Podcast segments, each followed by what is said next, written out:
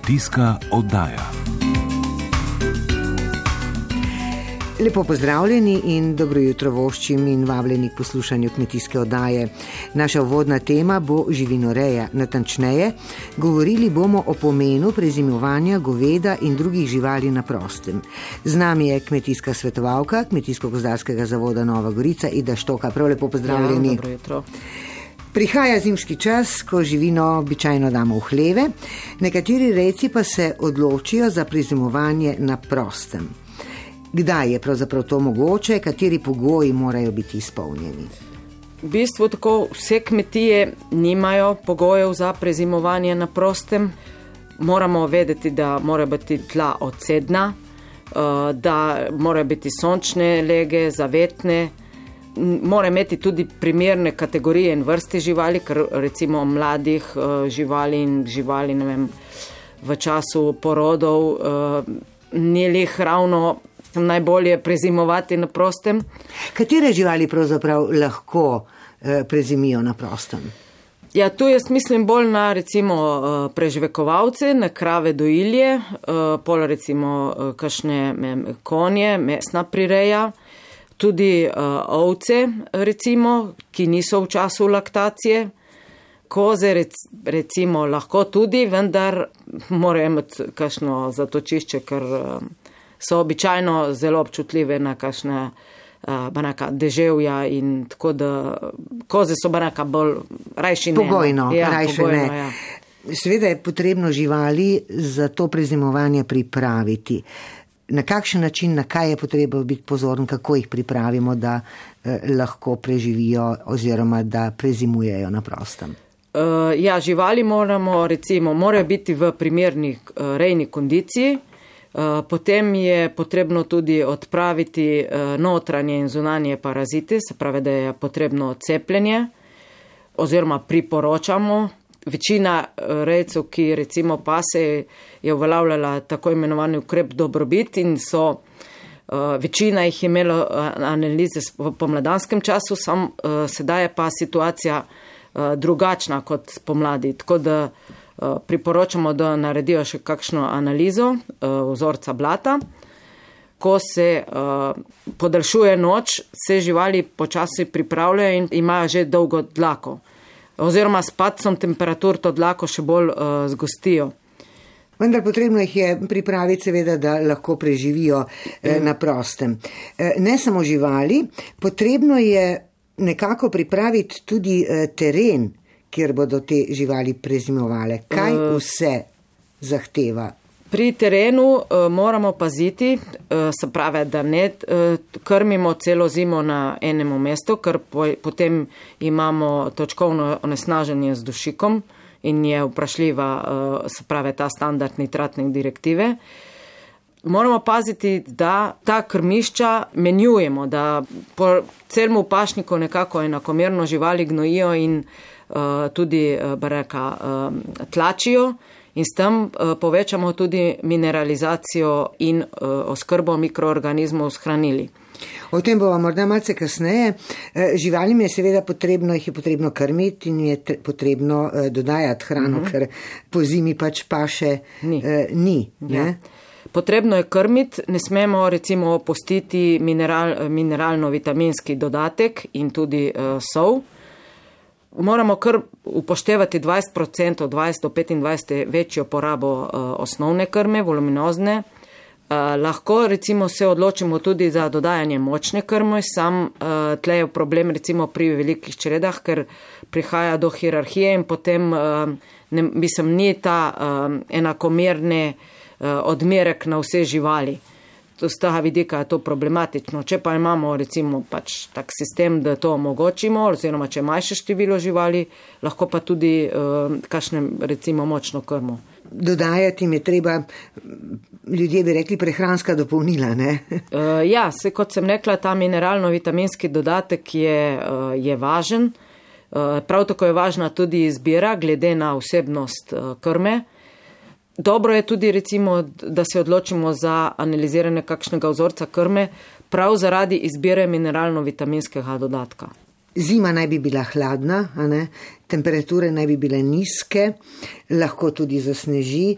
Kaj pa v tem primeru? Uh, običajno uh, recimo rastlino jedi oziroma krave dojilje in hladnokrvni konji. Uh, tu ni, ni problem nizkih temperatur, v bistvu oni bolj ko so nizke temperature, več voluminozne krme pojejo in se pravi z razkrojem te voluminozne krme se žival uh, greje.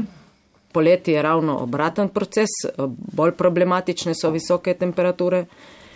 Je pa recimo, moramo vsaj poskrbeti, da nimamo recimo v času najnižjih temperatur porode ali pa ne vem, ker to je mal problematično, se pravi, ko pride uh, Eh, če je suha zima, ni tako, banaka, ni tako rezečno bolj problem, če pride recimo mokro in vetrovno. Recimo. To je pa res, banaka, tudi živali počutje je, se vidi, da jih pač zebe. Da to ni primerno. Ja.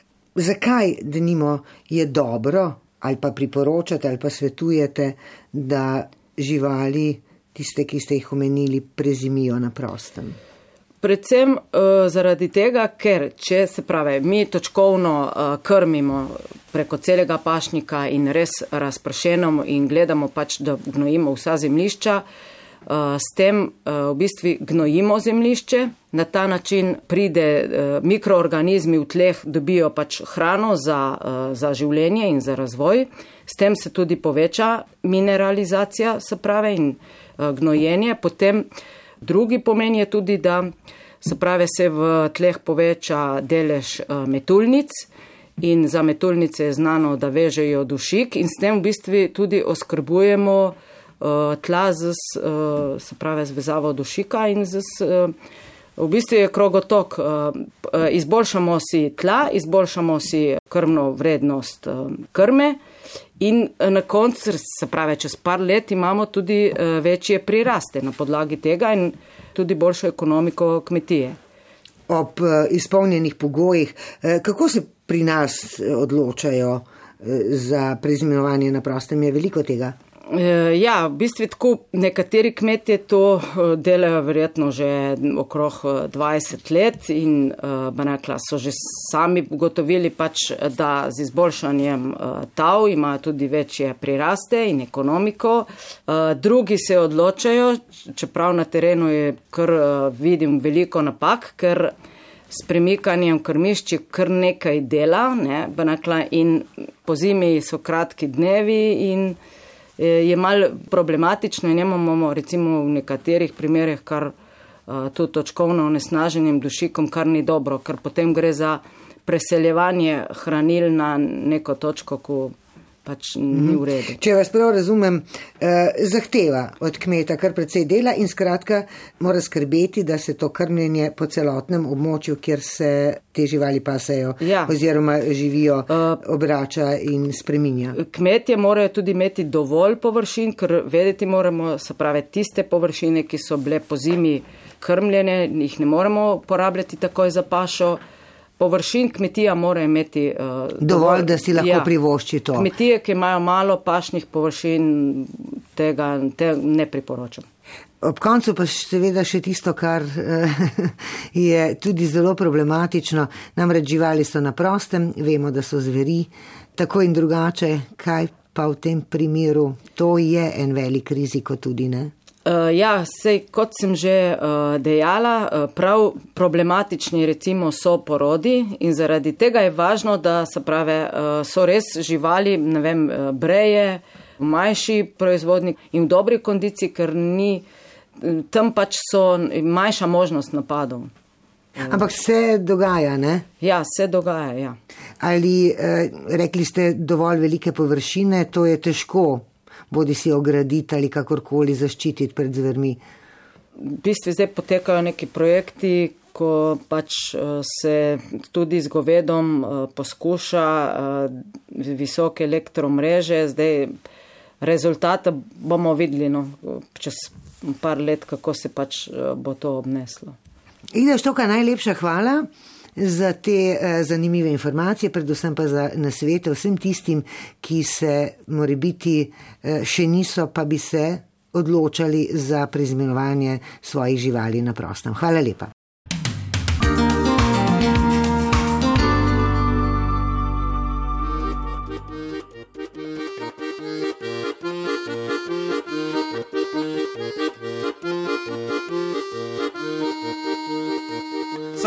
Krava, cika stade mi bom mlijeka dala. Za njo sem dal dva dinarja, se gvišna bo splačala. Sem se kot trava, sušuva tava, ma mlijeka krava mi dala ni. Se nabrajta, me naparajta.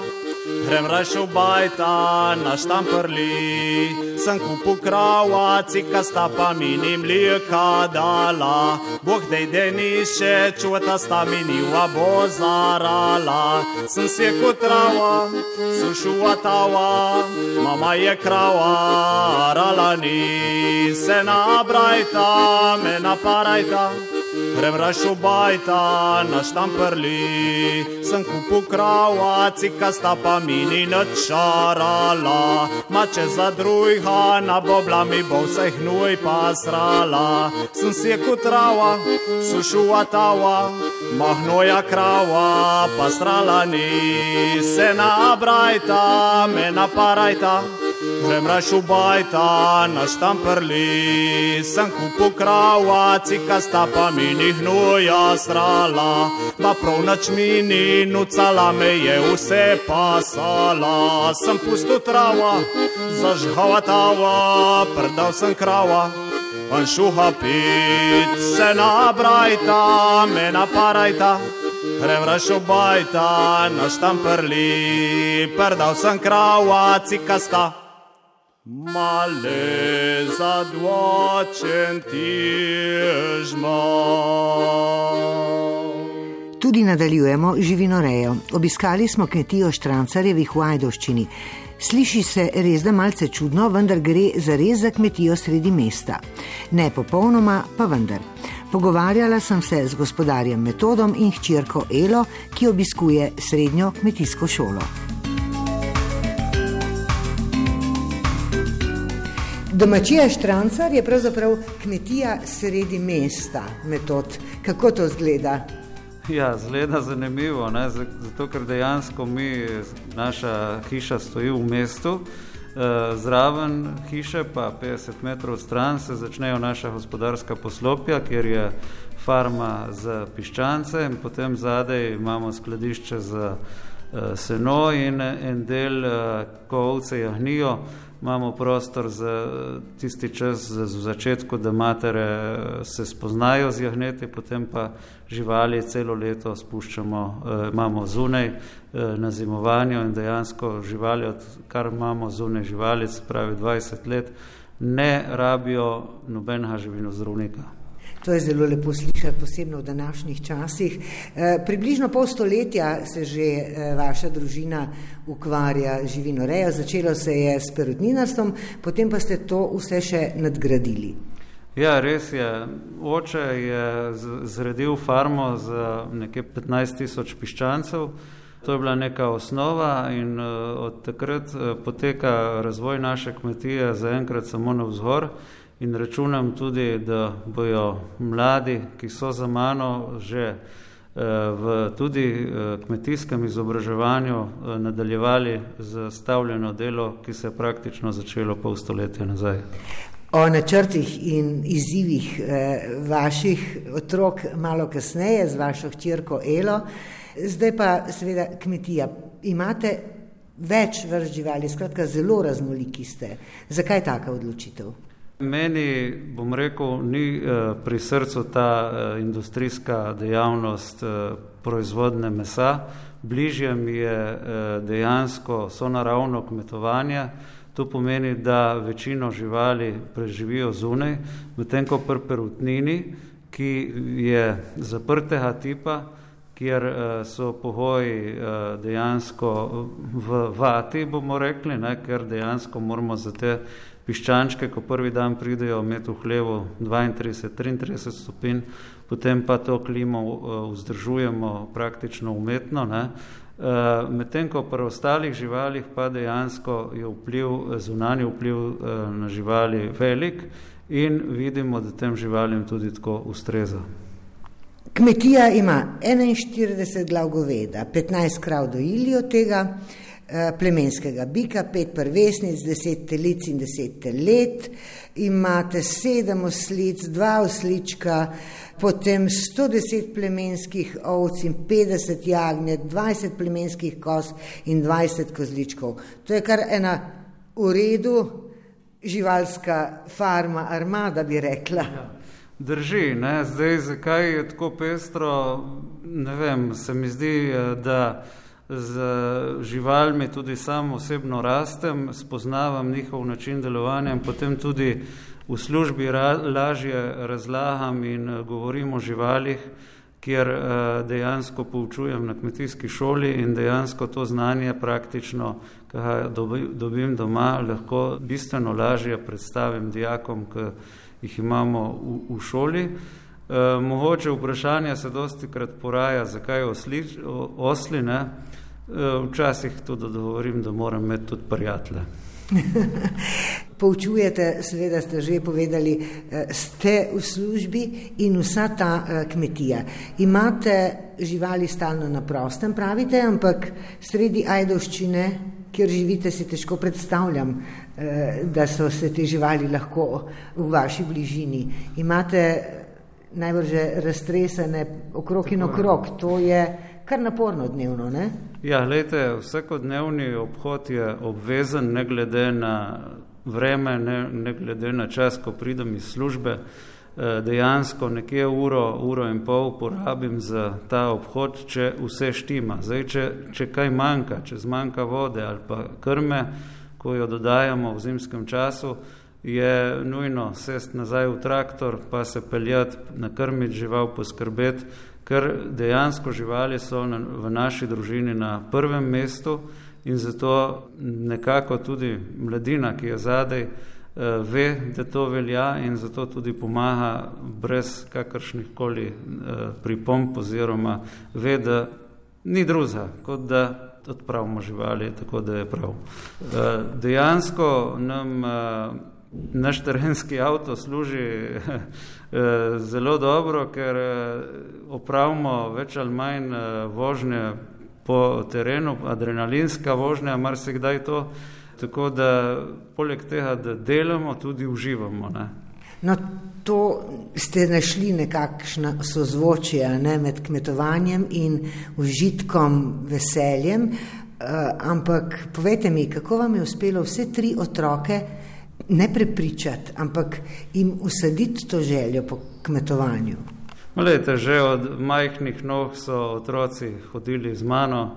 Prvi, takoj ko je shodil, potem Ela se je kas, mal kasneje pridružila, ker dva mlada nadobudneža krotiti in hkrati opravljati neko delo, opravilo, je bilo težko, vendar ni mi žal niti za trenutek. Ne. Kasneje pa se ne je pridružil še tretji član, ki je zdaj star deset let ne, in dejansko smo ga mal zanemarjali, zaradi tega, da smo lahko dela konkretno upravljali, vendar eh, zdaj se je skazalo, ko je šel starejši sin eh, študirati, da bo mogel tudi mlajši sin poprijeti za delo in ga moramo uvajati v to. Je težko, naporno, ampak tudi on že mislim, da uživa v tem delu in že od prvega razreda, ko je prišel v osnovno šolo, kriči, da bo tudi on hodil na kmetijsko šolo, tako da vse kaže, da bojo vsi otroci šli po mojih poteh in uh, upam, da bojo tudi v tem delu vsaj toliko uživali, kot uživam jaz. Za vašo kmetijo se ni bati, tudi za živali ne. Z nami pa je hčerka Ela, ki prav tako obiskuje kmetijsko šolo. Ela, kaj tebi pomeni kmetija, kaj ti pomenijo živali? Eh, živali je nekaj najlepšega, kar se od njih lahko dosti naučimo. Tudi tako življenje, ki ga imamo, je kmetijstvo je način življenja. Jaz brez tega si sploh ne predstavljam več živeti v Hvari, da bi mogla živeti naprimer v bloki ali pa v neki hiši z majhno okolico ali pa sploh nič okolice. Torej vidiš svojo prihodnost v tem, ne bom rekla poslu, ampak v tej branži. Ja, upam, da mi bo življenje ponudilo priložnost, da bom v tem. Da boš ostala v kmetijstvu, eh, zdaj na srednji šoli, nameravaš potem nadaljevati študijem? Eh, ja, nameravam nadaljevati študijem. na biotehnički fakulteti, verjetno, zdaj katera smer, pa se nisem še prav odločila. No, živinorejo imaš že v krvi, bi rekli, ali razmišljaš morda v tej smeri ali kakšni drugi? E, ja, že brat je nadaljeval v tej smeri na biotehnički fakulteti, smer za tehnika. Zdaj je prvi letnik, bomo videli, kako bo šlo. No, seveda, nič ni mogoče reči danes, ampak glede na vse to, kar uh, sta povedala, se za to kmetijo res da uh, ni bati. Imate veliko dela in najbrž si ga boste še več naredili, a ne razmišljate tudi o tem, da bi kmetijo še širili, glede na to, da vsi otroci nekako želijo početi to. Ja, želje so poširjene, sicer smo v Ajdoščini precej omejeni z prostorom. Naša kmetija ima v, v ožjem delu, kjer se nahaja sedež en hektar površin, vendar površine pridobivamo tudi na drugih koncih.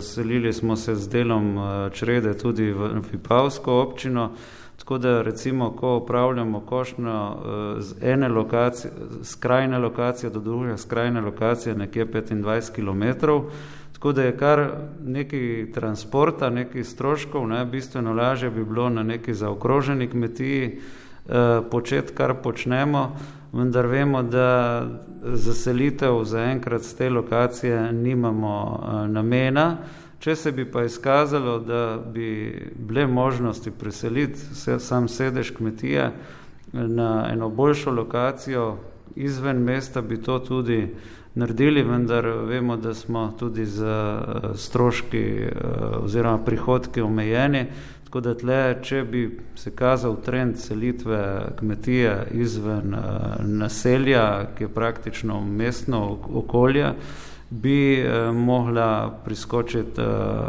sodelovanju tudi lokalna skupnost oziroma mogoče ministrstvo za kmetijstvo.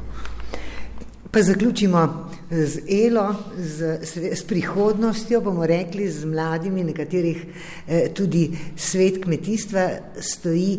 Kaj bi Ela rekla tistim mladim, ki morda kolebajo, ali bi šli v kmetijstvo ali ne? Uh, jaz rečem, da je kmetijstvo tista osnova. Na kmetijstvu vse stoji. Recimo, hrano predelajo in tako naprej. Če ni hrane, ti ne moreš delati naprej. Torej je tista neka osnova, ki jo delajo že stoletja in stoletja in se moramo tega ljudje zavedati. Predstavitvijo kmetije Štrancarjevih smo zaokrožili današnjo oddajo. Prijetno nedeljo in teden vam želiva Ingrid Kašca Bucik in Igor Valentinčič. Pa srečno!